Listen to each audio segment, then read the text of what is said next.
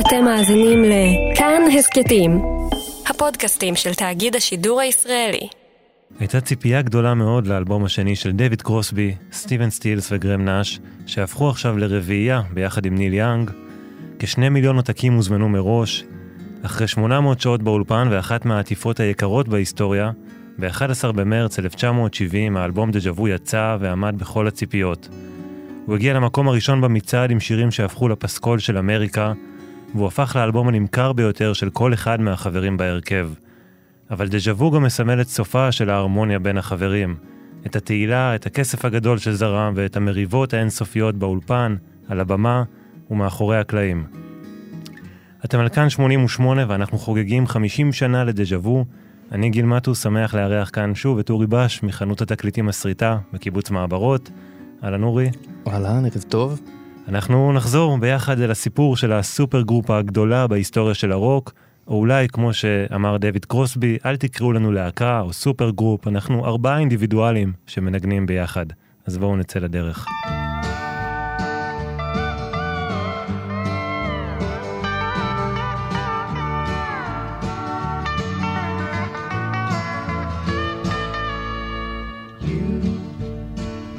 are on the road must have a code that you can live by.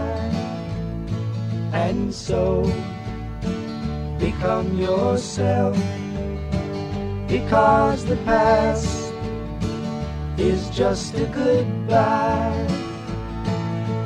Teach your children well their father's hell did slowly go by and feed them on your dreams.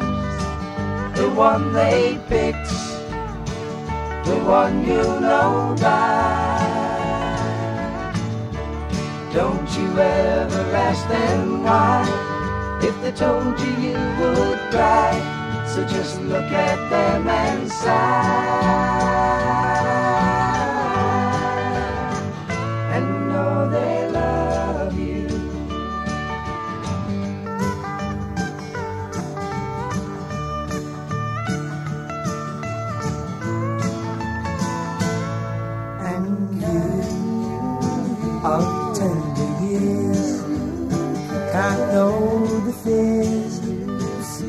Your elders grew by. And so please help them with your youth. They see the truth before they can die. Teach your parents well, their children's hell will slowly go by. Them on your dreams. The one they picked, the one you know by. Don't you ever ask them why. If they told you you would cry, so just look at them and sigh.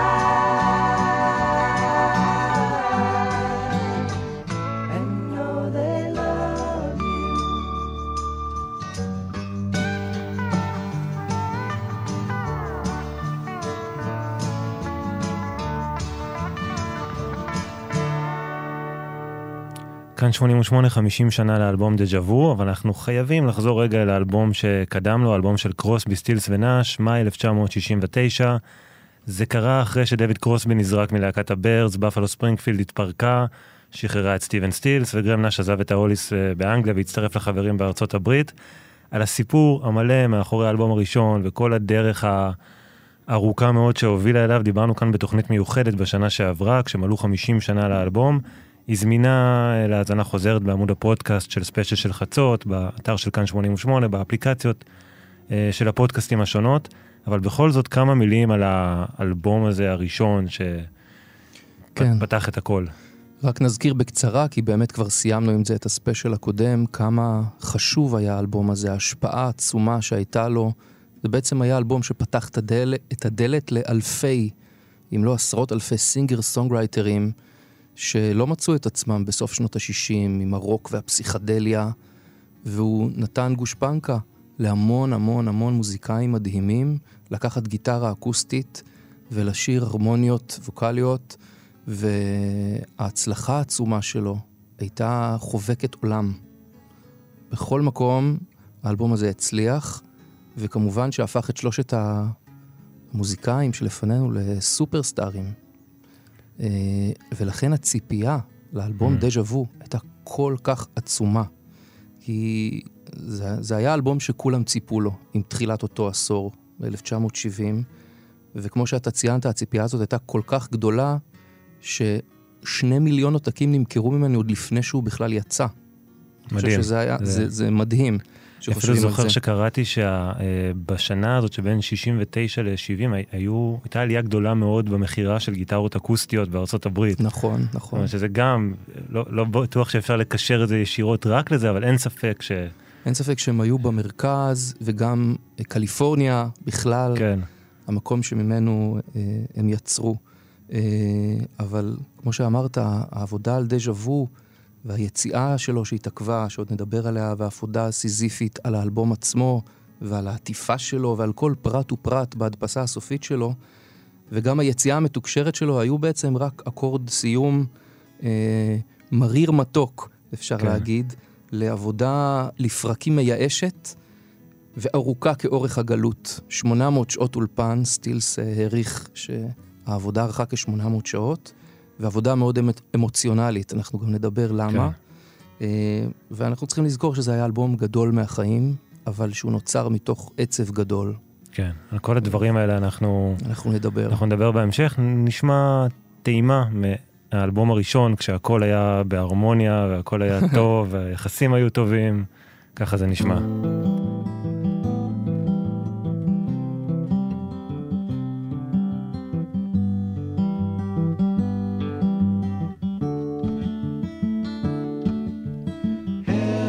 Helplessly hoping her harlequin hovers nearby, awaiting a word, gasping at glimpses of gentle true spirit. He runs, wishing he could fly, only to trip at the sound of goodbye.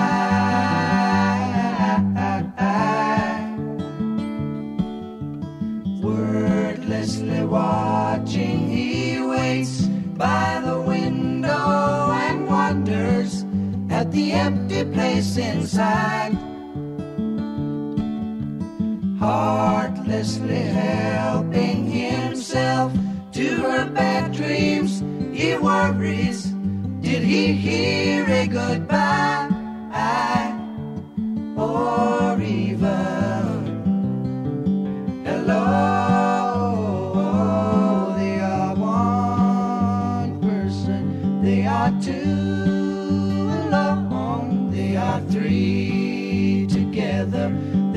For.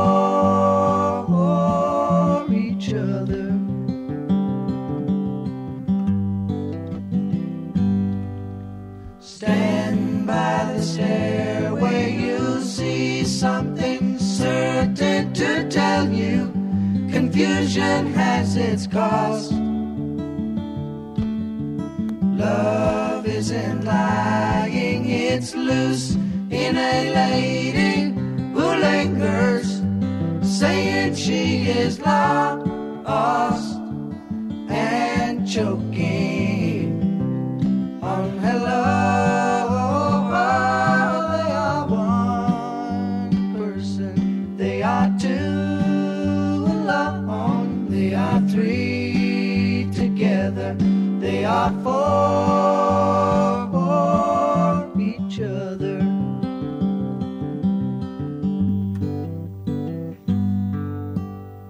ההרמוניות המופלאות של קרוסבי, סטילס ונאש באלבום הראשון, מאי 1969, האלבום בחוץ, כבר יש תאריכים לסיבוב הופעות, כולל באיזשהו פסטיבל קטן שתכף נזכיר, אבל יש בעיה, כי הם מבינים שהם צריכים שחקני חיזוק כדי להוציא את זה לבמה. נכון.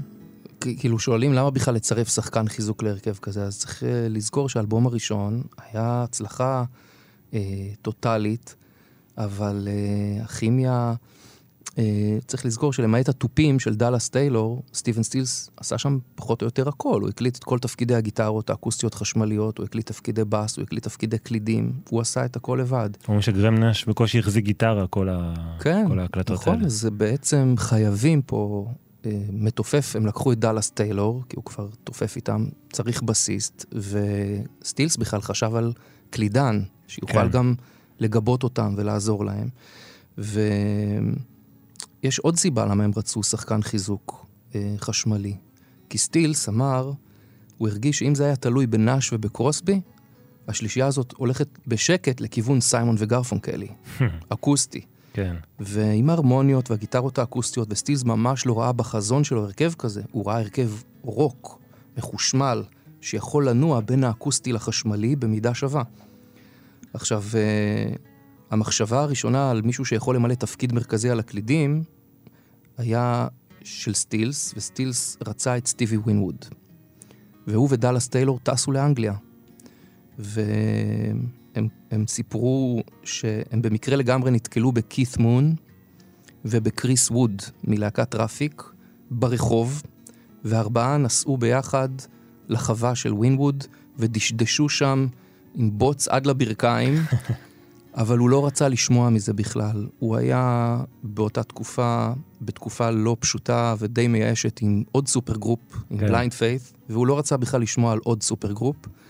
אז הם ירדו מהעניין, חזרו לארצות הברית, והם עוד חשבו על עוד כל מיני רעיונות, על קלידנים, אבל את הרעיון שדווקא אליהם הצטרף ניל יאנג, הציע לסטילס באופן ישיר מנהל חברת אטלנטיק, אחמד ארטגן, שהזמין אותו לארוחת ערב פרטית, ובסיומה הוא השמיע לו שירים של בפלו ספרינגפילד, ואחד מהם היה I am a child. ובסיום השיר הוא אמר לסטילס, תקשיב, יש משהו בקשר לניל יאנג שיכול להתאים בדיוק לקרוסבי סטילס ונאש.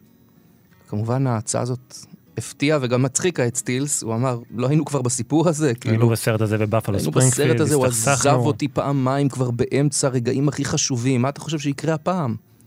אבל אחמד, שהיה איש מאוד חכם ופיקח, ובניגוד להרבה מנהלי חברות תקליטים, גם היה אוהב מוזיקה, מושבע, עמד על כך שסטילס צריך לפחות לחשוב על הרעיון לפני שהוא יפסול אותו, ובסוף הם החליטו שסטילס יפנה עם ההצעה הזו לקרוסבי ונאש.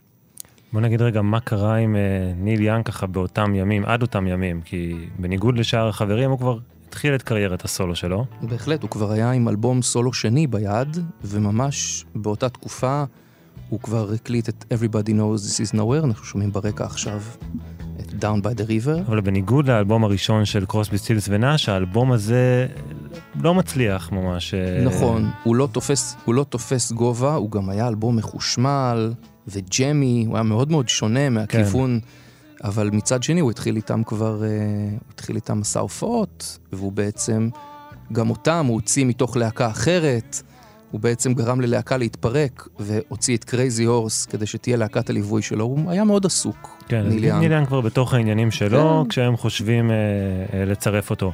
נכון. ואז איך שני החברים האחרים, אה, איך קרוסבי ונאש, מגיבים לרעיון לצרף את ניל אה, יאנג? ההתנגדות באה מכיוון נאש דווקא. נאש לא חשב שזה רעיון טוב. הוא פחד שכל מה שהם השיגו, הסאונד המיוחד, ההרמוניות, האימג', הצלילי, הכל ישתנה. וסטילס החליט שהוא פונה לעצתו של אליוט רוברטס, שהיה גם המנהל שלהם וגם המנהל של ניל יאנג. אה, אליוט רוברטס לא חשב שזה רעיון כל כך טוב, גם הוא. גם הוא. גם הוא. הוא אמר להם, ניל יאנג כבר הוציא עכשיו אלבום סולו שני, והוא יצא איתם להופעות, למה שהוא ירצה להצטרף עוד פעם לעוד להקה? אבל לפעמים הדברים פשוט קורים מעצמם.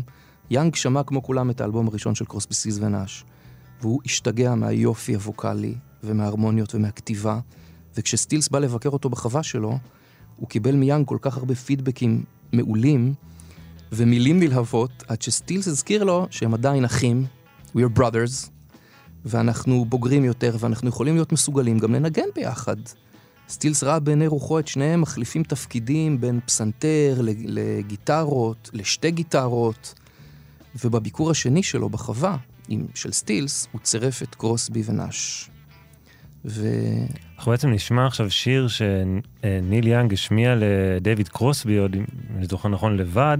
נכון. אה, וכשקרוסבי שמע את השיר הזה, הוא אמר להם, תקשיבו, אנחנו צריכים את ניל יאנג איתנו לא רק כעוד נגן או מישהו שישיר, אלא גם בגלל השירים שהוא כותב, כי זה משהו אחר, וזה יביא לנו עוד משהו. נכון. בואו נשמע את השיר הזה שניל יאנג ניגן לדייוויד קרוסבי, כאן כמובן בגרסת האלבום שהוקלטה בהמשך. בהחלט.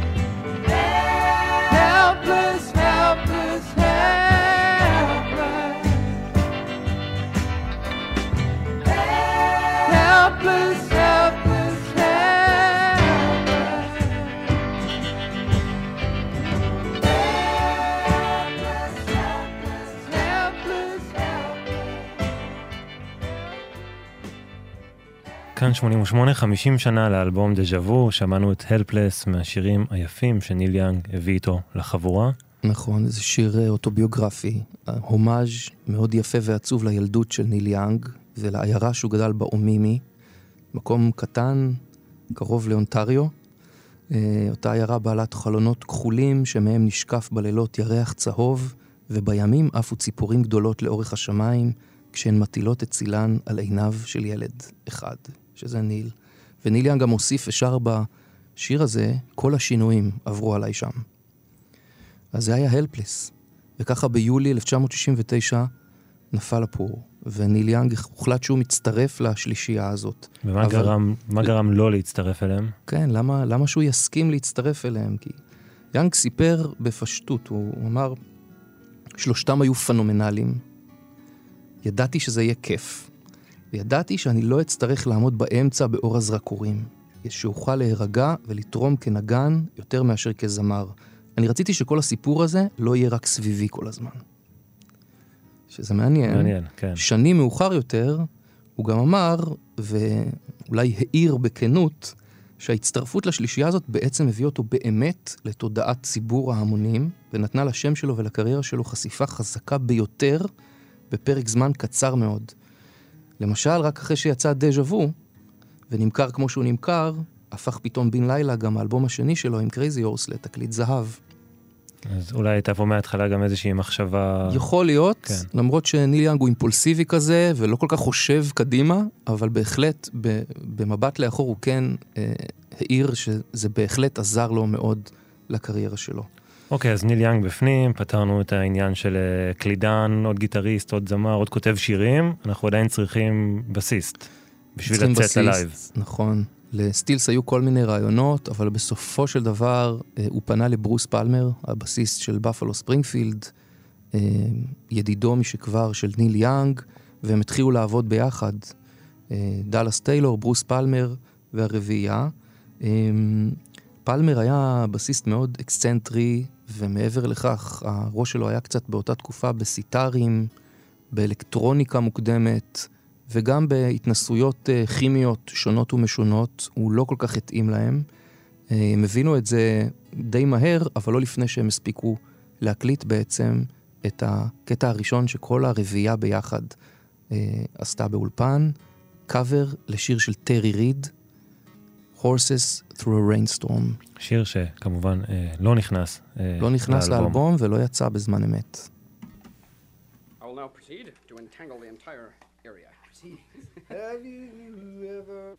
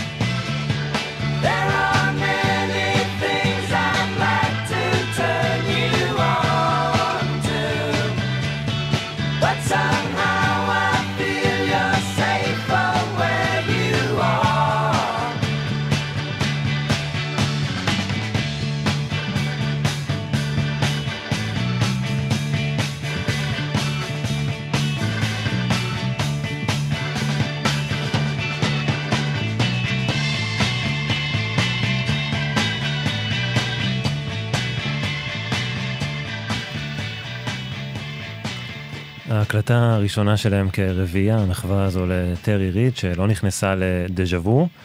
אז ברוס פלמר שמנגן כאן על הבאס, אה, לא נשאר איתם אה, בליינאפ. נכון, הוא לא נשאר, והם מחפשים אה, בסיסט אחר, ואין להם הרבה זמן. ובן אדם בשם ריק ג'יימס, לימים מלך הפאנק, שהיה חבר של ניל יאנג עוד מימי שניהם במיינה בירדס, להקה, אחת הלהקות הראשונות כן. של ניל יאנג, הוא ממליץ לניל על גרג ריבס, אה, בסיס שחור צעיר, שעבד כבר שלוש שנים במוטאון. הוא הקליט בין היתר את Cloud 9 של הטמפטיישנס. הם לא ידעו שאז, באותה תקופה, שהוא לא היה בן 19, הוא היה בן 15, וואו. ואפילו רישיון הנהיגה שלו היה מזויף, והוא התחיל לנגן עבור מוטאון בגיל הרך 12. זה די מדהים. מדהים, מדהים. והוא עד היום בן אדם די מסתורי, לא יודעים הרבה על גרג ריבס, הוא גם היה בכלא כמה שנים, אבל uh, הוא היה בסיסט אידיאלי, כי הוא גם, היה לו גרוב uh, מאוד מאוד חזק, והוא גם ידע לג'מג'ם, ובקלות uh, הוא היה יכול לנגן שעות, uh, ולהסתנכרן עם כל אחד מהם, הוא היה ממש מצוין. מה שכן, הוא היה בן אדם די מוזר, הוא היה בענייני כישוף אינדיאני, הוא היה עושה להם טקסים באולפן. אנחנו עוד נגיע לקטע שבו הם מחליטים שזהו זה גם. כן. אבל גרג ריבס היה אה, אה, הבן אדם הנכון, כי הוא השתלב מאוד מהר בהרכב, אה, וכל הלהקה התחילה לעשות חזרות. אז אנחנו עושים פה איזושהי קפיצה קטנה בזמן, חוזרים רגע אחורה לפני שהאלבום הראשון יצא, ולפני שהוא יצא, דיוויד גפן, המנהל שלהם, הצליח להכניס אותם לליינאפ של פסטיבל וודסטוק. כמובן שבשלב הזה עוד של הסגירה של הליינאפ, אף אחד לא דמיין או חשב שוודסטוק יהפוך למה שהוא יהפוך. עבור דיוויד גפן זה היה אוקיי, עוד פסטיבל, הזדמנות לחשוף את החבורה, ולמרות שאין להם אלבום בחוץ, הוא משמיע כמה מהחומרים שיש לו למייקל לנג, מי שיזם והפיק את וודסטוק, וכמובן שלנג הכיר את החבורה מהפרויקטים הקודמים שלהם, הוא מתלהב, הוא מחתים אותם תמורת עשרת אלפים דולר, אחד הסכומים הגבוהים שקיבלו אומנים שהשתתפו אה, בוודסטוק, ושוב, להקה שהאלבום שלה אה, עדיין לא יצא, אבל כשהם מגיעים לוודסטוק באוגוסט 1969, יש מאחוריהם רפרטואר של הופעה אחת בלבד. בדיוק, הופעה אחת בלבד בשיקגו, שגם תמורתה, הם קיבלו עשרת אלפים דולר, סטילס היה בשוק טוטאלי שמישהו בכלל סוגר איתם על סכום כזה לפני שהם עלו לבמה אי פעם. וההופעה הזאת הייתה הופעה נהדרת, ג'וני מיטשל חיממה אותם, אה, ההופעה הייתה שלוש שעות, ובסיומה קרוסבי אה, עוד לא הבין את גודל ההשפעה שהייתה לה על הקהל, כל מה שעניין אותו היה שהם עמדו במשימה. הם ניגנו בלי שום רשת הצלה, מה שנקרא, והם הצליחו לסיים בלי טעויות ובלי תקלות, וזה הדבר היחיד שעניין אותו. ההופעה השנייה, כמו שאתה אומר, כבר הייתה אירוע אחר לגמרי. כן, כי בשיקגו הם הופיעו בפני קהל של פחות או יותר 4,000 איש. משהו כזה, כן. פתאום הם אה, מגיעים לוודסטוק, כשיש סיפור שהמתופף, דאלס טיילור וגרהם נאש טסים במסוק, כמו הרבה אומנים אחרים, כדי להגיע לוודסטוק. אה, וטיילור שואל את הטייס, איך קוראים לאגם הזה שהם רואים שם למטה, והוא אומר לו שזה לא אגם, זה הקהל, זה מה שקורה בוודסטוק, והם היו בהיסטריה מזה. כן, זה מסה אנושית שהם כל כך פחדו. אליוט רוברטס, המנהל שלהם, אה, אמר שהוא ממש פחד שהם יסיימו שם את חייהם כשהוא ראה מה הולך מלמעלה.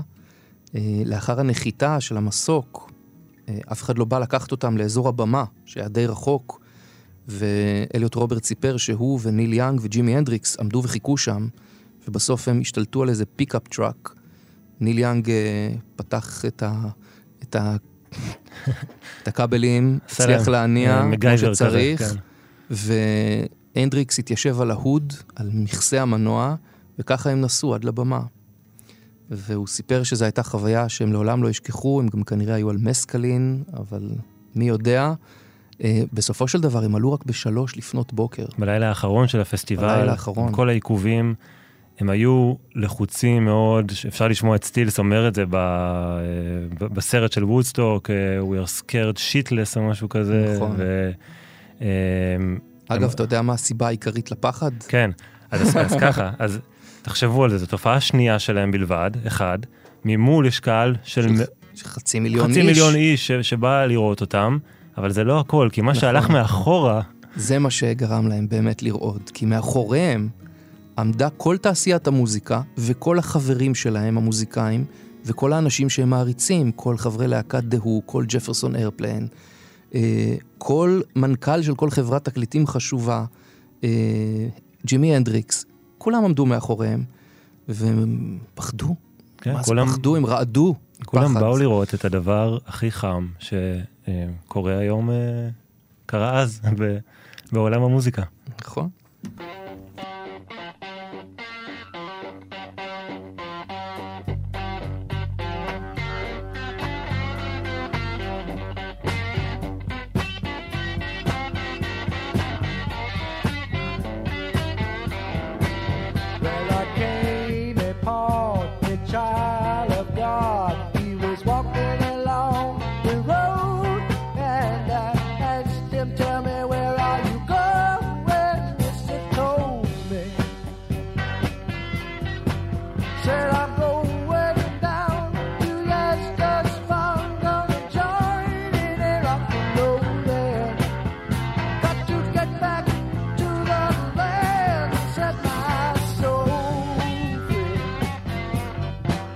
your sky.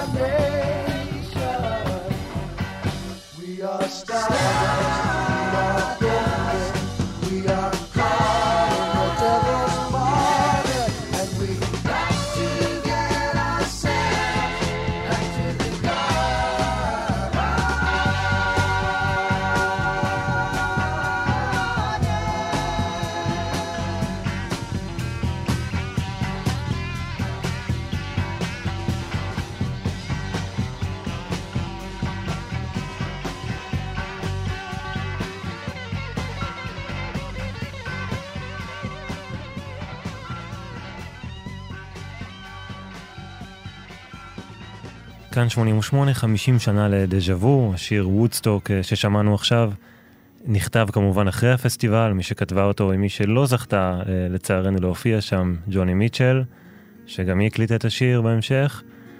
וההיסטוריה של ג'וני מיטשל עם החבורה הזו לא התחילה אז אה, בוודסטוק, אלא עוד לפני. נכון. בעצם עם האלבום הראשון שלה, שדויד קרוסבי אה, הפיק, וסטילס גם ניגן בו, כן, ונש אה, התאהב בה, והם חיו ביחד, אנחנו עוד נגיע תכף גם לזה, אבל באמת, אה, ג'וני פספסה את וודסטוק בעצת מנהל, המנהל שלה, שחשב שאין שום סיכוי שהיא תגיע אה, עם כל הפקקים והכמות המטורפת של האנשים שהתקשורת דיווחה שזורמת למקום. אה, ובאמת היא נותרה בחדר מלון בניו יורק, ושם היא כתבה, התחילה לכתוב את וודסטוק, והביצוע של וודסטוק של, קרוס, של קרוסבי סטילס נאש ויאנג, שנפתח עם lead גיטרה נהדר של ניל יאנג, היה בעצם אחד משני השירים היחידים באלבום שהוקלטו כשכל הרביעייה ממש מנגנת ביחד. וגם על זה נדבר בהמשך. וגם על זה נדבר. ניכנס לעומק ההקלטות. גם נדבר על העיתוי שלו, הסינגל הראשון מהאלבום, הוא יצא בעיתוי מופלא, הגיע למקום ה-11 במצעד האמריקאי, בעיתוי מושלם עם יציאת הסרט, וודסטוק. נכון. אה, אבל רבים לא יודעים שלג'ימי הנדריקס הייתה תרומה לעיבוד של השיר הזה, ויש אפילו הקלטה מוקדמת שלו עם סטילס ויאנג וקרוסבי, מה-30 בספטמבר, חצי שנה לפני שהאלבום יצא. והקטע הזה יצא באלבום Both Sides of the Sky, שיצא ממש לא מזמן. שם אפשר לשמוע גרסה מוקדמת לוודסטוק, שממש הנדריקס תרם לה רעיונות, והוא מנגן שם בס, אגב. Mm, הוא מנגן שם בס. הגרסה של מת'יוז סאטון קומפורט בבריטניה, שיצאה בערך אחרי ארבעה חודשים, הגיעה כבר למקום הראשון במצעד הבריטי, והרבה מכירים אותה. כן. אבל אנחנו- אבל אנחנו עם נאש ו... עם סיפור אהבה, וג'וני. לפחות בשלב זה של נאש וג'וני. כן. ג'וני וגרם נאש היו מאוהבים, והם חיו ביחד בבית של ג'וני מיטשל בלאורל קניון, והשיר הבא מתאר בוקר רגיל של זוגיות בחיים שלהם. הם אכלו ארוחת בוקר בארץ דלי, ובעת שהם יצאו החוצה למכונית של ג'וני, הם עברו על פני חנות עתיקות בוונצ'ורה בולווארד, ושם הם רואים אגרטל עתיק שג'וני מאוד אהבה, ונאש הציע לה לקנות אותו, כי הוא לא היה יקר והוא היה יפה. הם הגיעו איתו הביתה, זה היה בוקר אפרורי של LA, ונאש הדליק את האח, והציע לג'וני לקטוף פרחים מהגינה, כדי לחנוך את האגרטל, וזה גרם לה לצאת החוצה לגינה, ולהיות שם איזה שעה ולקטוף פרחים, ובשעה הזאת נאש עצר, כתב והלחין על הפסנתר, תוך שעה אחת, את השיר הבא. I'll light the fire. Place the flowers in the vase that you bought today. Staring at the fire for hours and hours while I listen to you play your love songs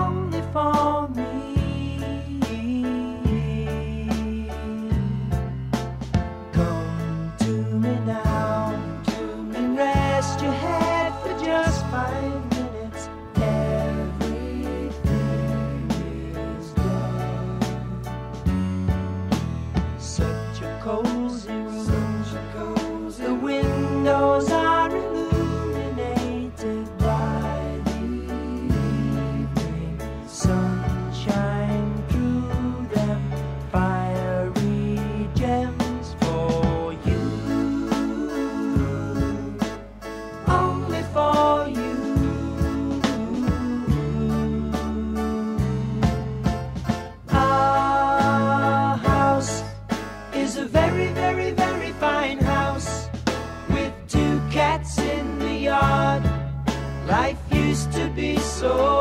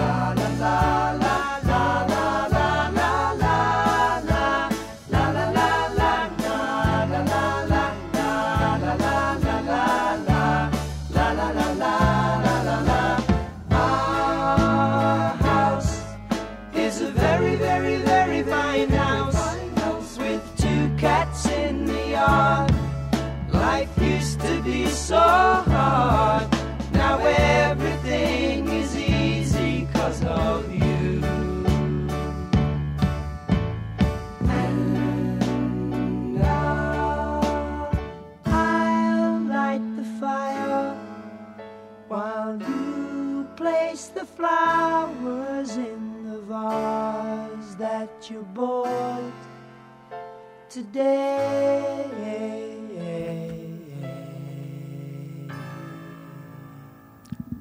הכל כל כך מושלם, ולא לא נעים לי אה, לבאס, אבל אה, כשהאלבום, אה, כשהשיר הזה יצא באלבום דז'ה וו במרץ 1970, גרם נש וג'וני מיטשל כבר לא היו ביחד, כן. אבל השאירו לנו את הזיכרון המתוק הזה.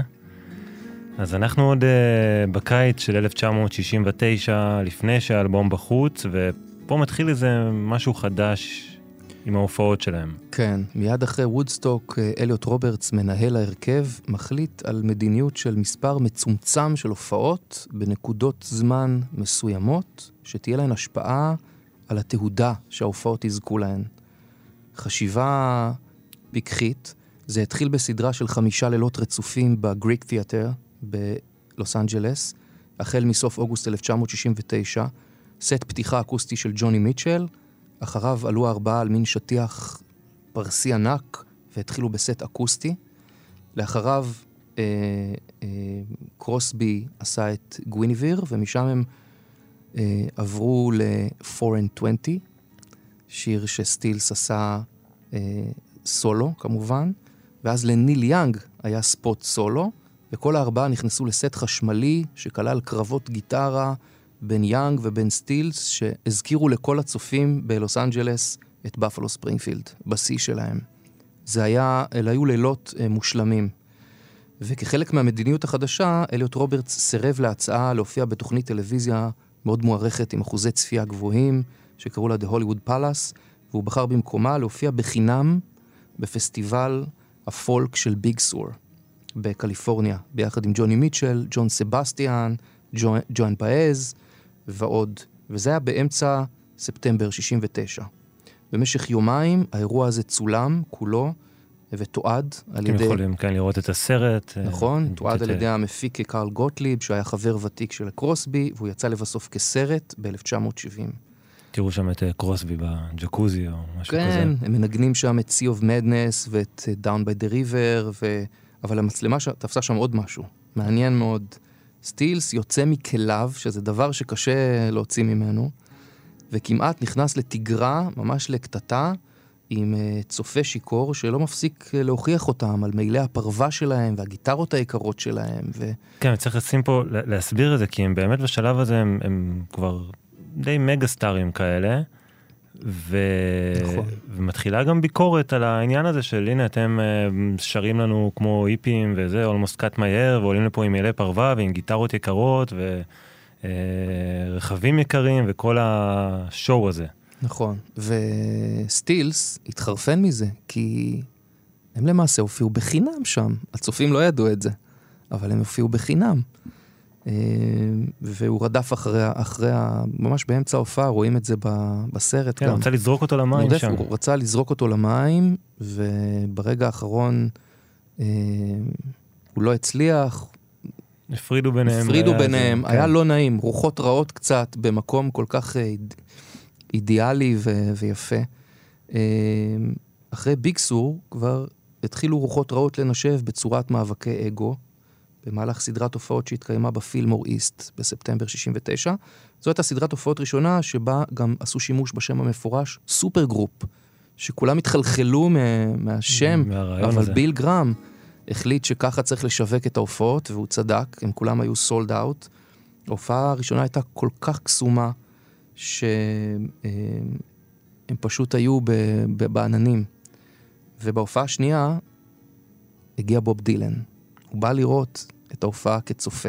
עכשיו, כשבוב דילן מגיע להופעה שלך, זה אתה, זה מעמד אחר. אתה מתרגש מאוד, כל הארבעה היו מאוד מאוד נרגשים בגלל הוד, הנוכחות של הוד בוביותו, ובמהלך ההופעה, בחלק האקוסטי, סטילס ביקש לעשות שיר סולו נוסף. הם תמיד היו גמישים אחד לשני, ואמרו לו, מאה אחוז. אבל סטילס נשאר לעוד שלושה שירי סולו אקוסטיים. לאחר אותו שיר.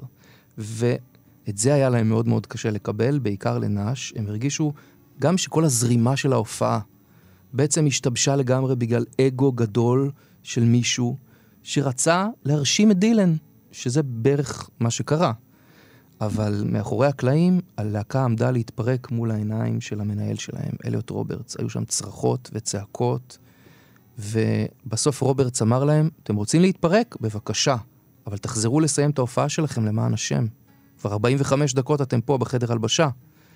במקביל, ביל גרם שלשל להם מתחת לדלת שטרות של 100 דולר, וניסה לשדל אותם לחזור לבמה. עוד 100 דולר ועוד 100 דולר, וניל יאנג אמר לו, more, more, more. ובסופו של דבר, אני שמעתי שאחרי 800 דולר או משהו הוא כזה. תחב סטפה של שטרות, יאנג אסף אותם, ואז הציע לכולם פשוט לעלות להופיע ולהחזיר אותם לקהל, לזרוק אותם בחזרה לקהל. אבל סטילס אמר, אתה משוגע, זה יוביל פה לכאוס מטורף, לאלימות, ובסוף הם פשוט עלו ונתנו כל מה שיש להם, והקהל לא רצה לעזוב את המועדון. זה היה קסום ומדהים, מדהים, אבל כמה... הרוחות הרעות כבר בדיוק. התחילו. מקדימה כמה הכל עובד, ומאחורי הקלעים איך אה, זה מתחיל להירקב. נכון. ובואו נשמע משהו.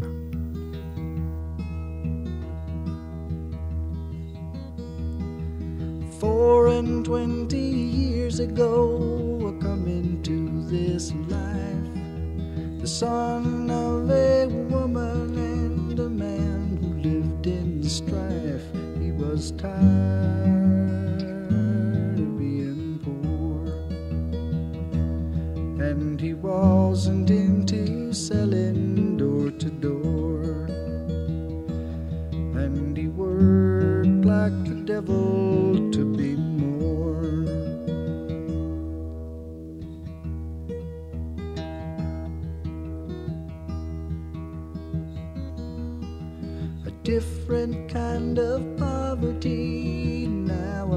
upsets me so.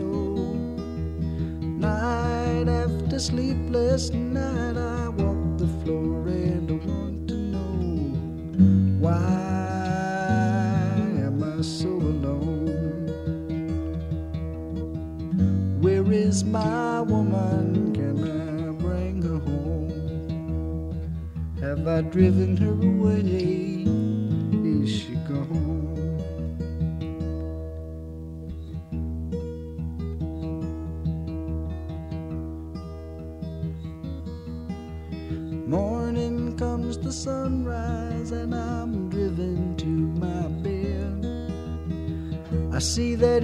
It is empty, and there's devils in my head. I embrace the many colored beast. I grow weary of the torment. Can there be no peace? And I find myself just wishing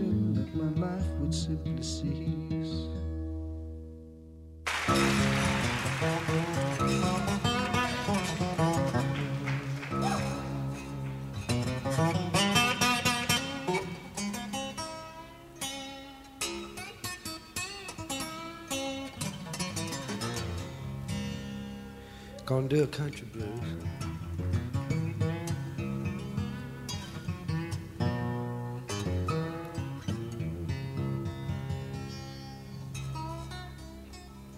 little music from back home.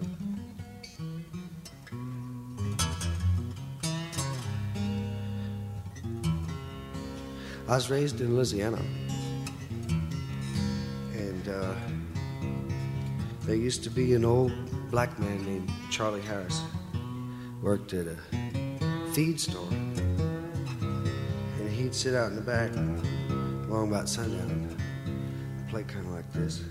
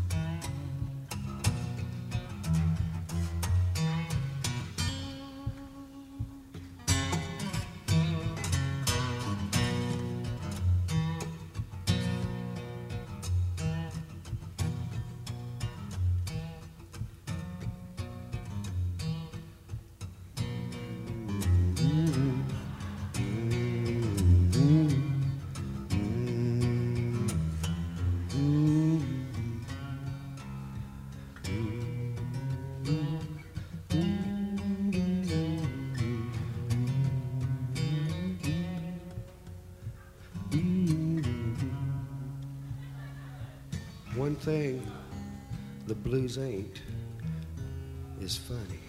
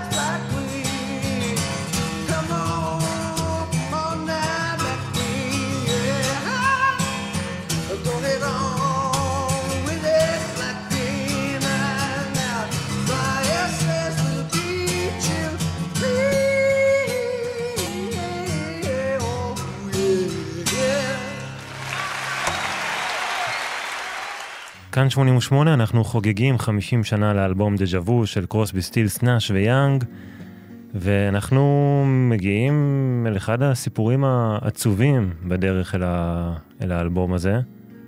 נכון. הטרגדיה אה, ש... טרגדיה שהשפיעה על כל ההקלטות שלו, וזה אה, התחיל בשבוע האחרון של ספטמבר 69. אה, קרוסבי סטילס נאש ויאנג הגיעו למפרץ סן פרנזיסקו. והתכוננו לארבעה לילות נהדרים בווינטרלנד, שהיו אמורים להיערך בין השני לחמישי באוקטובר. הם ערכו חזרות ככה חופשיות בבית החדש שדייוויד קרוסבי קנה בנובטו, במרין קאונטי, צפונית לסן פרנזיסקו. ב-30 בספטמבר הם התחרדנו בשעת צהריים ליד הבריכה של קרוסבי, עם כמה מחברי הצוות וה roadies שליוו אותם, והם חשבו מה לאכול לארוחת בוקר מאוחרת. נאש סיפר שקריסטין הינטון, אה, זוגתו של קרוסבי, ניגשה אליו ונתנה לו שלושה ג'וינטים שהיא גלגלה עבורם. היא לבשה מעיל אור, והיא אמרה שהיא קופצת עם החתולים לווטרינר, והיא תשוב בזמן לארוחה. קריסטין אה, נהגה באוטו של קרוסבי, וברברה לנגר, חברה שלה, ישבה לידה והחזיקה את החתולים. לפולקסווגן הירוקה. נכון, קרוסבי. הירוקה של קרוסבי. וכנראה שבזמן הנהיגה קפץ אחד מהחתולים על הצוואר של קריסטין שנהגה ונעץ בה את הציפורניים שלו. זה גרם לה לסטות מהכביש והתנגשה חזיתית באוטובוס של בית ספר, בסקול בס. היא נהרגה במקום. נאש סיפר שקרוסבי הלך אה, לזהות את הגופה, ומאז הוא מעולם לא היה אותו בן אדם. המוות של קריסטין היה אה, כל כך כל כך אה, קשה עבור כל הקרו, ובעיקר כמובן עבור קרוסבי, שנכנס למצב של שוק במשך תקופה מאוד מאוד ארוכה. אה, אבל כבד מאוד, פרצים של בכי בלתי נשלט. כל חבריו, ובעיקר נש, שמאותו רגע היה צמוד אליו כמו אח גדול במשך שנה שלמה, וטס איתו לכל מקום, והיה איתו בכל מקום, לא השאיר אותו לבד רגע אחד. וכל החברים שלו דאגו כל הזמן להיות איתו, להקיף אותו, אה, לעטוף אותו בחום ובאהבה.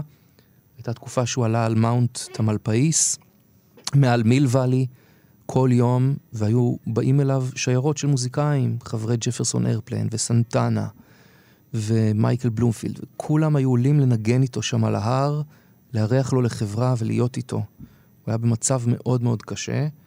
אה, כל ההופעות בוטלו כמובן, קרוסבי ונאש טסו לספינה של קרוסבי, המעיין, בפלורידה, להתבודד שם, אחרי זה לניו יורק וללונדון ובחזרה, הוא לא מצא מנוח לנפשו. וכשהחלו ההקלטות לאלבום דז'ה וו, באוקטובר 69, קרוסבי עוד לא בכלל היה כשיר להופיע.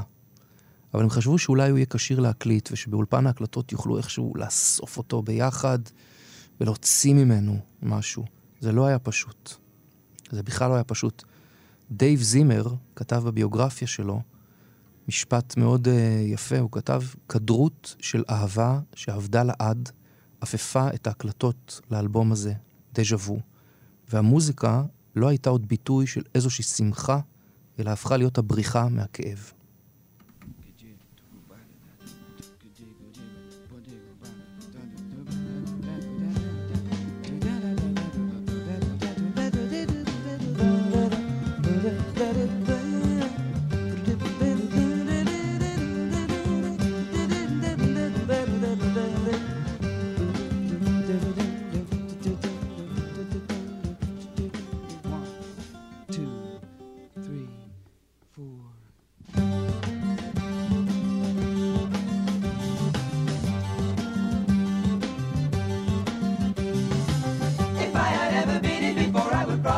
Just what to do. Don't you? If I had ever been in before on another time around the wheel, I would probably know just how to deal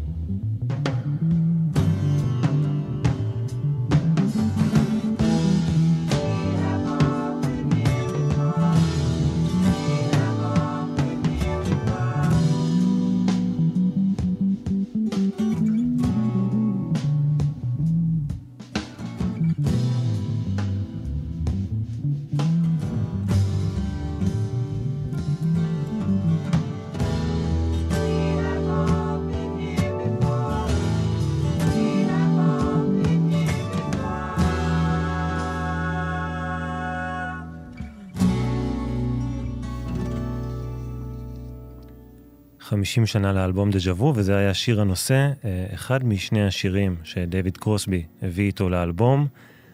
לקח המון המון זמן להקליט את השיר הזה, רק את השיר הזה, משהו כמו איזה 100 שעות 100 בערך. 100 שעות, נכון. מייאש מאוד. כן, וזה מביא אותנו לדבר בכלל על כל מה שקרה שם באולפן, על כל תהליך ההקלטה של האלבום הזה שהיה קשה ומורכב יותר מה, מהאלבום הקודם. וכמו שהתחלת להגיד מקודם, כל שברון הלב שהיה שם, זה לא הייתה רק קריסטין הינטון ש, שהזכרנו והטרגדיה של אה, אימותה, אלא גם אה, אהבות נכזבות, נכון. יש לנו את נכון. גרם נאש ו- וג'וני מיטשל שנפרדים. נכון, המוות של, של קריסטין הינטון הייתה אולי המסע הכבד ביותר, אבל גם התפוררות היחסים בין נאש לג'וני מיטשל, סטילס שהלב שלו כבר נשבר מג'ודי קולינס, וניל יאנג שממש לא היה מאושר עם נישואיו הראשונים לסוזן יאנג. בעצם כולם מצאו במוזיקה סוג של בריחה, בריחה מהכאב האישי שלהם, אבל זו בפירוש לא הייתה קבוצת תרפיה משותפת. אה, ההפך הוא הנכון אפילו, כי מהר מאוד צצו חילוקי הדעות ובעיות האגו. והזמן המתמשך, כל אלה עשו את שלהם. לפי התיאורים של ביל הלברסון, שנכנס לעניינים כטכנאי הקלטות אחרי שכבר התחילו הסשנים, האווירה הכללית הייתה של אלתורים של הרגע, והארבעה היו ביחד באולפן לעיתים נדירות מאוד. ניל יאנג למשל משתתף רק בחצי מהאלבום הזה, למעשה.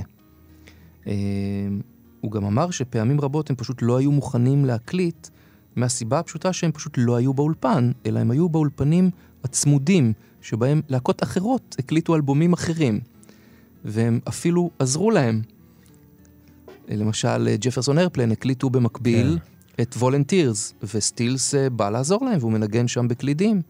ו-New Riders of the Purple Sage הקליטו שם את האלבום הראשון שלהם, וג'רי גרסיה, שהתחיל לנגן ב pedal steel שלו שבועיים לפני כן, אה, הוזמן ל-Teach Your Children. אגב, תמורת איזה עסקת חבילה. ההסכם היה שהוא לא מקבל תשלום על, ה...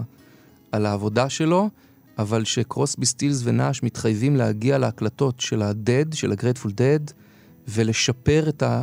את היכולת הווקאלית וההרמונית שלהם לפני העבודה על Working Man's Dead ו-American Beauty, כן. ונראה לי שהם הצליחו קצת. הצליחו טוב, על זה אנחנו נדבר בספיישל אחר. בהזדמנות, כן. בהזדמנות.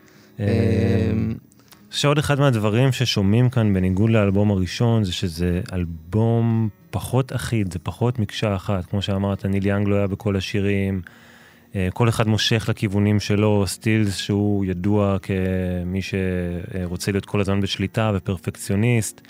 היה נשאר שם הרבה פעמים, שוב, עד השעות הקטנות כדי לעבוד על דברים, וגורם לזה שביום למחרת ההקלטות התעכבו אה, בעוד כמה שעות, ו...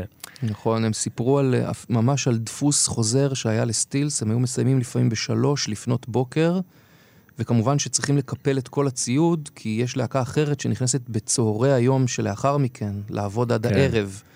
ואז בשלוש לפנות בוקר, כשכבר קרוסבי ונאש הולכים, סטילס מחליט שהוא נשאר לעבוד עד שמונה בבוקר. אז כל הטכנאים צריכים להישאר איתו, וגם הם ישנים יותר מאוחר, וכל יום ההקלטות הת, התעכבו והתאחרו עוד ועוד עד שזה היה פשוט מגוחך. אה, וזה היה משהו שמאוד מאוד אה, השפיע עליהם. כמו שאמרנו קודם, 800, 800 שעות עבודה על האלבום, זה מטורף ויקר נכון. מאוד. וממש ב, ממש באמצע ההקלטות, אה, כך סיפר דאלאס טיילור, הם, הם מבינים שאין להם רצועה פותחת לאלבום, משהו בקליבר של אה, ג'ודי בלו אייז. אה, ולכן הם, אה, הם לקחו קטע מג'ם שהם עבדו עליו באותו בוקר והיו מאוד מרוצים ממנו, וחיברו אליו קטע שבעצם סטילס כתב לבפלו ספרינגפילד. אז בואו נשמע רגע את המקור של אה, בפלו את ספרינגפילד. המקור, קטע שנקרא Questions.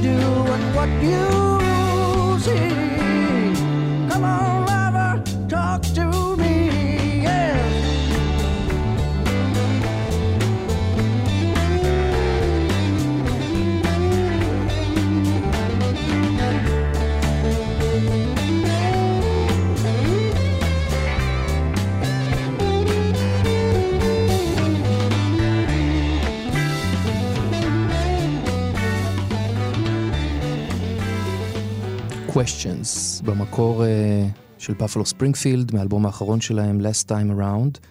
מה שסטילס עשה, הוא פשוט לקח את הג'ם הזה שהוא עשה, שהם הקליטו באותו בוקר, וחיבר אליו גרסה אחרת לאותו שיר, ל-Questions, והשילוב הזה הייתה, היה מדהים, נודעה לו השפעה מנצחת על המאזינים הראשונים ששמעו פעם ראשונה את התקליט. בואו נשמע את Carry On.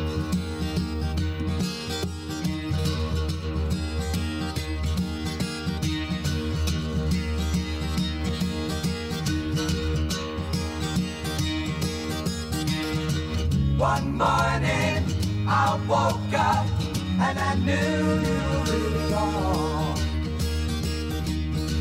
A new day, a new way, and new eyes to it all.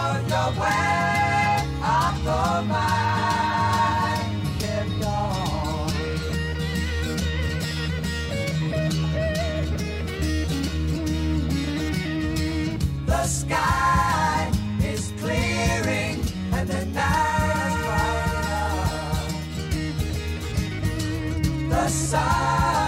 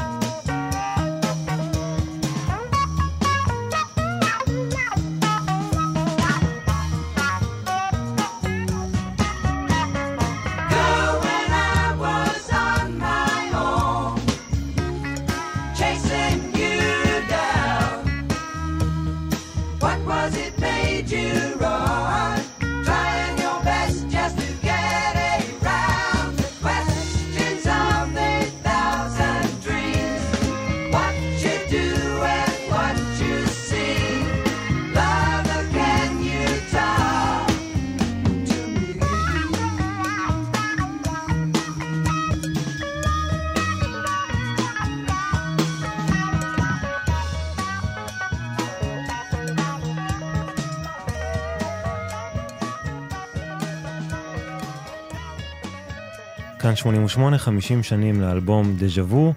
שמענו את Carry On, הקטע שפותח את האלבום, ושיר שגם השפיע על לד זפלין. נכון, מציינים את ההשפעה שלו גם על לד זפלין, בקטע שפותח את אה, אה, הפתיחה של Friends, באלבום השלישי שלהם, שהיא כמעט זהה מבחינת אה, אה, הדמיון בפתיחה של Friends, ובכלל, ההשפעה של ללד זפלין מאוד אהבו את האלבום הזה, גם שילבו את קטעים מוודסטוק בהופעות שלהם באמצע Dazed and Confused, מאוחר יותר. אה, אבל זה כהערת אגב. כן. אז לא רק סטיבן סטילס אה, חיבר אה, לא. קטעים ישנים, גם ניל יאנג עשה את זה. גם ניל יאנג עשה את זה, והוא עשה את זה מאוד מאוד יפה. יאנג בעצמו התייאש בשלב מסוים ממה שהלך שם באולפן, והוא היחיד שלקח שיר שהוא, שהוא עבד עליו מחוץ לאולפן, ועשה עבודה רבה בעצמו באולפנים אחרים, לפני שהחזיר את התוצאה המוגמרת לשלישייה. נאש לא כל כך אהב את העובדה שלא כל העבודה נעשתה מולם, אבל כשהוא שמע את הגרסה הסופית הנפלאה, הוא נאלץ להודות שאין לו שום סיבה לרטון. אה, אנחנו מדברים על שיר שנקרא Country Girl, אחד השירים הכי יפים של ניל יאנג, שהוא בעצם מורכב משלושה שירים אה, מוקדמים יותר. הראשון שבהם, שנשמע אותו קודם, נקרא Down Down Down, והוא בעצם דמו שניל יאנג הקליט לבאפלו ספרינגפילד, לפני שנים רבות לפני כן. בואו נשמע קודם את הדמו הזה, ואחר כך אולי נשמע אה, קטע בהופעה שנקרא Whiskey Boot Hill, בהופעה של אה, ניל יאנג ב-1969 בריבר בוט. בעצם את שני הקטעים האלה הוא הרכיב מאוחר יותר את השיר קאנטרי גרל.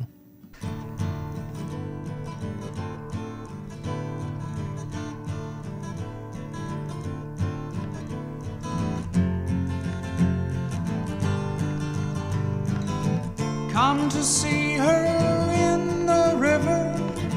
She'll be there to wave to you in the hope that you'll forgive her. She will join you there.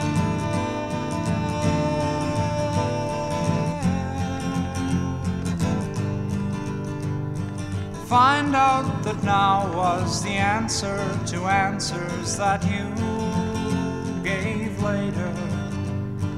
She did the things that we both did before now, but who forgave her? Now you see how down you've fallen. Now you hear your conscience call. Thank yourself alone for stalling. I'm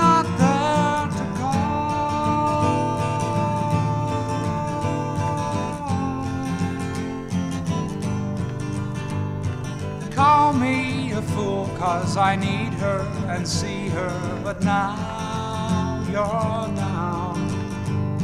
Something inside you will tell you I'm wise to what you're spreading round.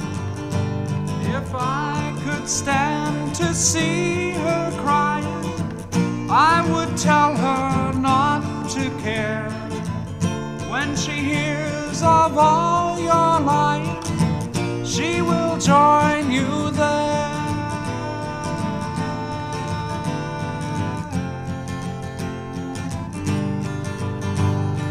Find out that now was the answer to answers that you gave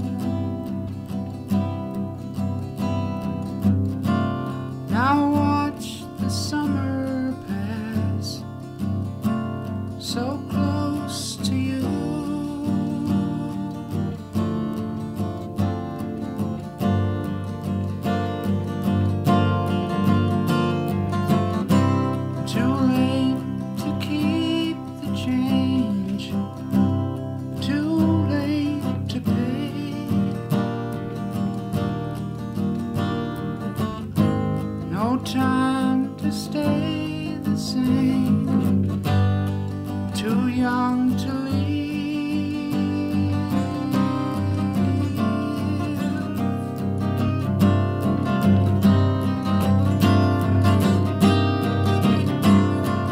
No pass out sign on the door set me thinking. Our waitresses of their waking. While stars sit at bars and decide what they're drinking. They drop by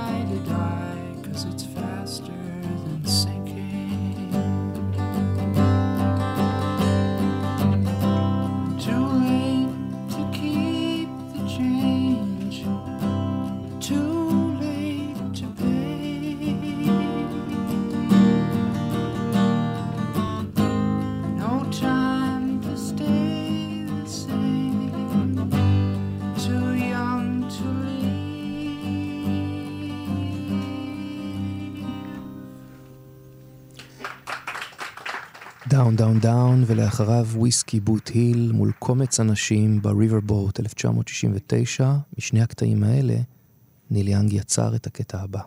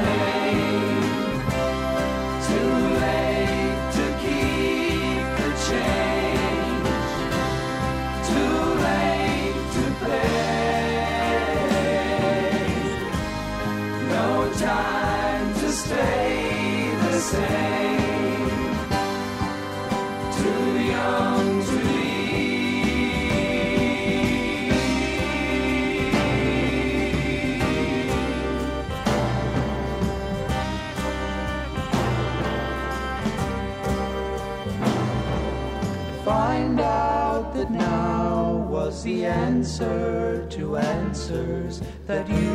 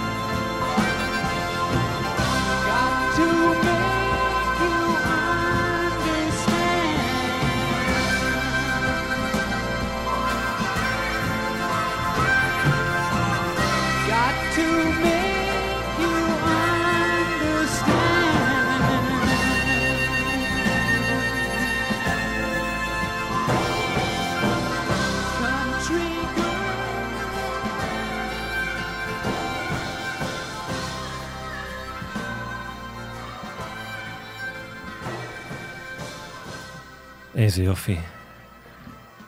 Country Girl של אה, ניל יאנג, ושוב, אולי כי הם לא הגדירו את עצמם כלהקה, אלא כארבעה אינדיבידואלים, אז התוצאה היא אלבום כל כך אה, מגוון שמושך לכל כך הרבה מקומות, וזה היה מאוד אה, מופק, לעומת מה שתכף אה, נשמע, שלוקח לכיוון השני והמג'ומג'ם יותר והגס.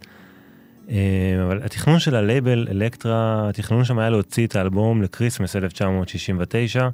זה לא קרה, היו כל מיני עיכובים, גם בהקלטות, מה שדיברנו על כל הזמן אולפן שם, אבל גם עם כל העניין של העטיפה המורכבת שהחבר'ה האלה יצרו. התמונה שמופיעה על העטיפה הצלומה בנובמבר 1969 בבית של דיוויד קרוסבי, הם אה, שכרו שם אה, תלבושות ורצו ליצור איזושהי אה, תמונה שתעביר את התחושה כאילו היא צולמה במלחמת האזרחים, בזמן של מלחמת האזרחים האמריקאית. אני חושב שמי שעשה את זה גרי, גרי ברדון, נכון? שהיה, הוא היה מעצב, והוא גם עבד עם ניל יאנג 30 שנה, 40 שנה אחר, אחר כך, והצלם תום גונדלפינגר, שהוא צילם את התמונה. הרעיון היה לקחת את כולם למסע אחורה בזמן, לאיך שאבות אבותיהם היו נראים 100 שנה לפני כן, לאחר סיום מלחמת האזרחים, 1870. כן.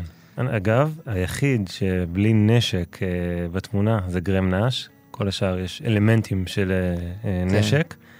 והצילום, אפילו הביאו לשם מצלמה בקופסה מעץ, כמו פעם כזאת, נכון. מצלמה שהייתה בת איזה 100 שנים, עם זמן חשיפה של שתיים וחצי דקות.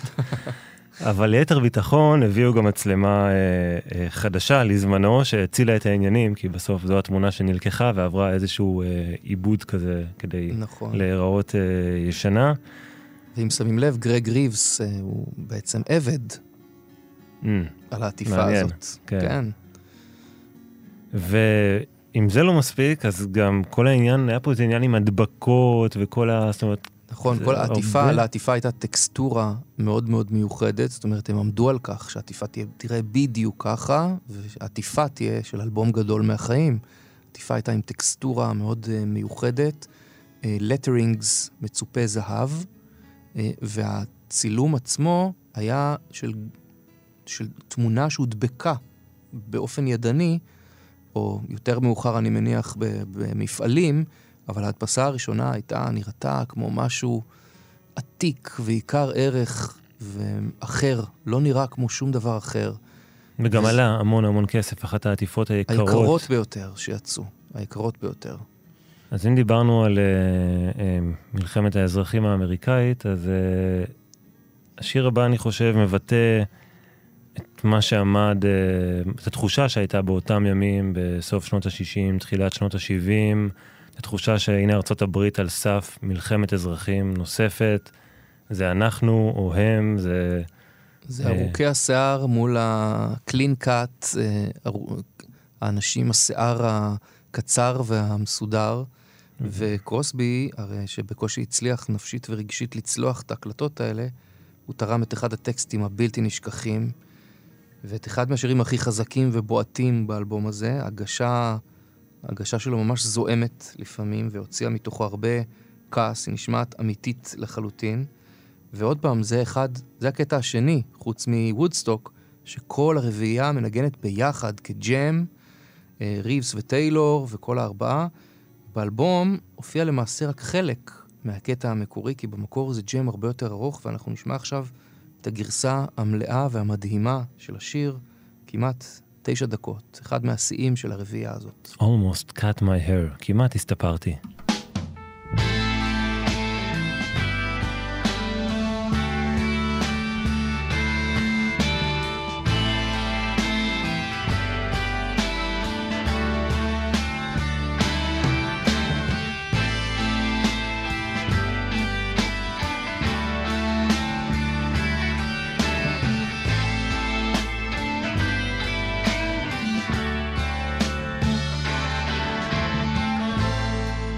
Almost cut my hair.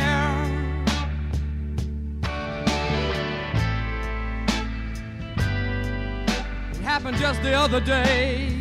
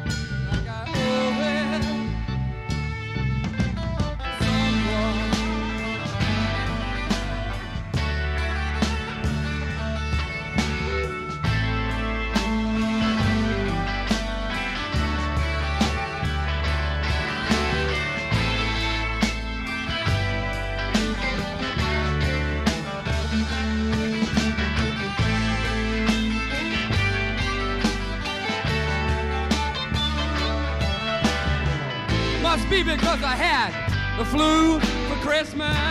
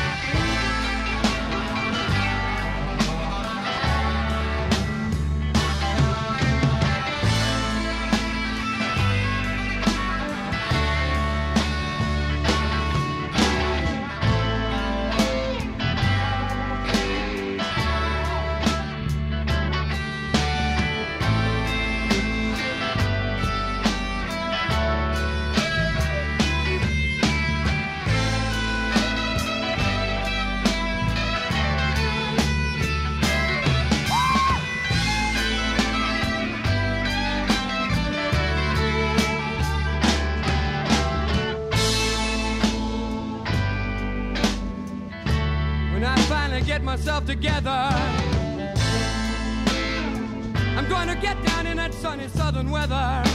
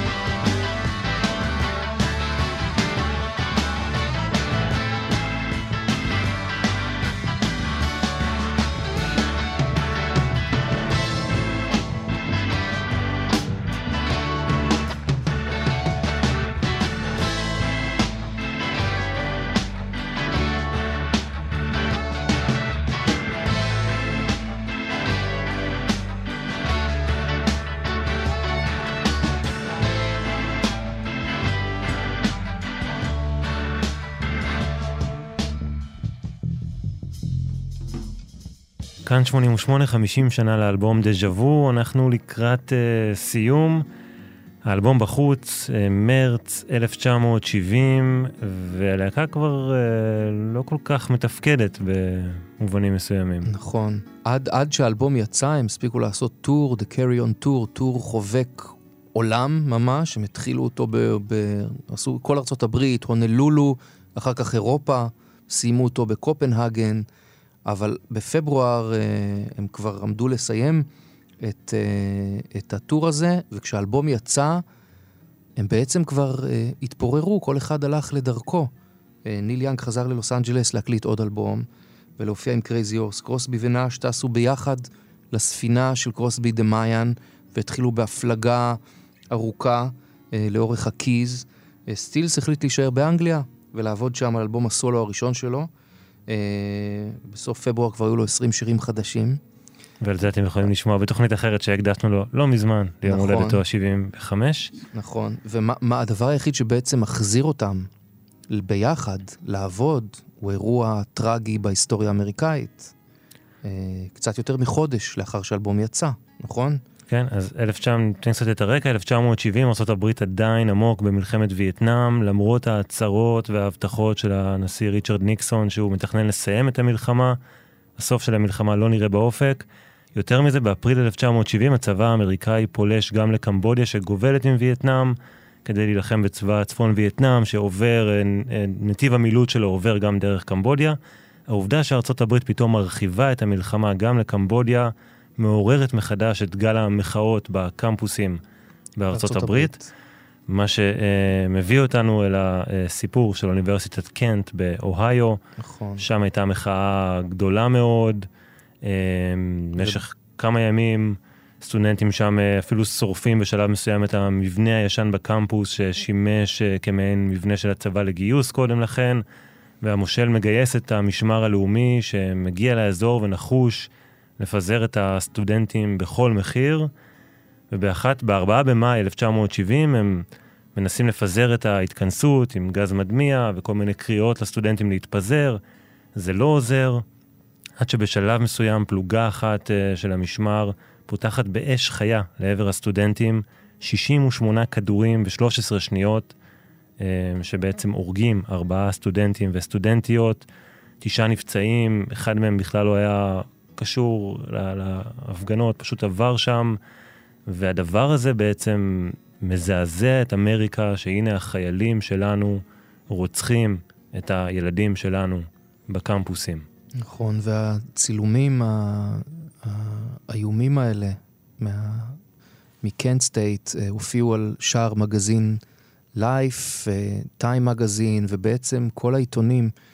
ויאנג שהה באותה אה, עת ממש עם דיוויד קרוסבי בעיירה פסקדרו, דרומית לסן פרנסיסקו, לא רחוק מהחווה שלו. קרוסבי סיפר שהוא ראה את יאנג בוהה כלא מאמין בשער העיתון שהוא נתן לו, והתפתחה ביניהם איזושהי שיחה מאוד אמוציונלית, הוא מאוד זעם, יאנג, על מה שקרה. ואחרי זמן קצר, ניל יאנג קם, נעלם לאיזה זמן קצר, וחזר עם השיר הזה שהוא כתב ביד.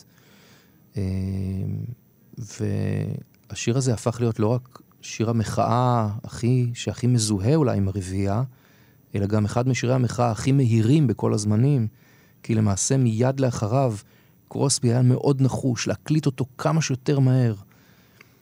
וסטילס הגיע מאנגליה, ונאש הצטרף אליהם, והם הקליטו אותו עם, אה, לא עם גרג ריבס שכבר פוטר, ודאלאס טיילור שכבר פוטר, היה ריב בין סטילס ויאנג, אלא עם אה, אה, קלווין פאזי סמיואלס בבאס, וג'וני ברבטה, המתופף של הטרטלס, בתור מתופף, גם חטיבת קצב אחרת. והשיר הזה אה, הוקלט, והסלילים נלקחו אישית על ידי אחמד ארטגן אה, לניו יורק. הם עברו אה, מאסטרינג, והסינגל הזה יצא זמן מאוד מאוד קצר לאחר ההקלטה, ועורר הדים עצומים. אחד הקטעים הכי גדולים של הרביעייה הזאת. במונחים של אז זה כמעט להוציא שיר בזמן אמת. ממש. כמו היום ממש. ב- דרך הוואטסאפ. אז זה היה בלתי נתפס שאפשר לעשות את זה כל כך מהר. soldiers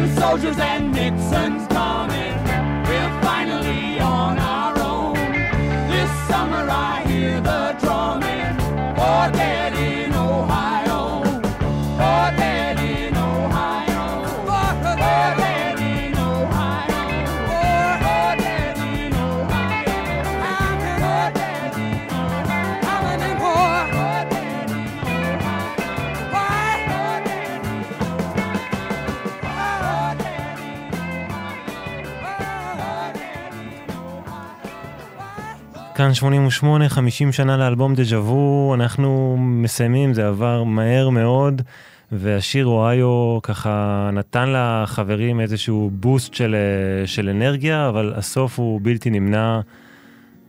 ארבעת האגואים הכל כך מוכשרים האלו, אה, אה, לא הצליחו לשרוד את זה מיד אחרי דז'ה וו, הם התפזרו כל אחד לעניינים שלו, לקריירת הסולו שלו, סטילס שהזכרנו מקודם יצא עם אלבום בכורה, אה, ניל יאנג עם After the After Gold the Rush, Gold Rush, שאנחנו, נכון. זאת הפעם הבאה שאנחנו ניפגש כאן אה, אה, באולפן לחגוג לו 50 שנה, קרוסבי עם If I could only remember my name, וכמובן ש... וגם נאש, Songs for Beginners, כל אחד מהם הקליט אלבום סולו נפלא, אה, נפלא ומצליח. ואלבום ההופעה הכפול שיצא ב-1971, Four Way Street, די מתאר את מה שקורה שם, את ארבעת הכיוונים שהם ילכו והם ישובו ויחזרו בהמשך בכל מיני וריאציות ושילובים שונים, אבל אנחנו חייבים להיפרד, אנחנו נמשיך אה, אה, לדבר עליהם ולהקדיש להם תוכניות רדיו נכון. בדרכים, אה, בדרכים אחרות. כאלה או אחרות. אז אה, אה, אורי בש מחנות התקליטים הסריטה, תודה רבה, איזה כיף. אה, תודה. תמיד כיף גדול. אה, כל, הת- כל התוכניות, גם התוכנית הזאת זמינה, תהיה זמינה להאזנה בעמוד הפודקאסט של ספיישל של חצות, באתר של כאן, באפליקציה, בכל אפליקציות ההסכתים שאתם אה, מאזינים. ואם תקשיבו שם, ל... אה, אם תקשיבו שם, תוכלו לשמוע אפילו שיר שלא נכנס כאן לשידור החי, שיר שנקרא The Lee Shore, עוד אחד מהשירים שלא נכנסו לאלבום דז'ה וו. אבל אנחנו נסיים עם ה-B-side של אוהיו. נכון, שזה שיר, קטע שסטילס כתב במקור לפסקול הסרט איזי ריידר, שלא נכנס לסרט.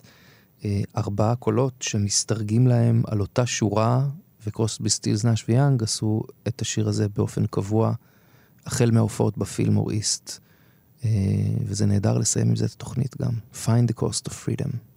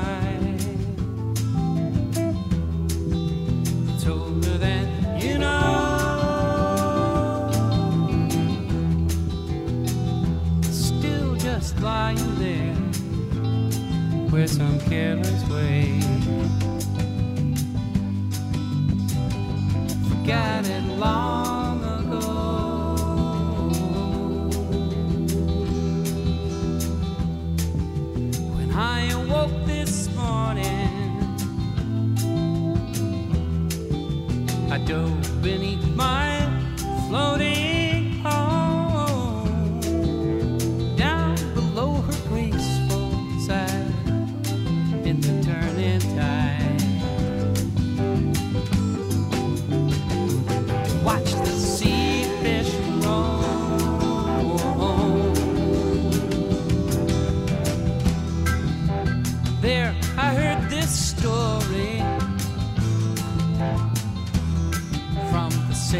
of the Sangre Marie.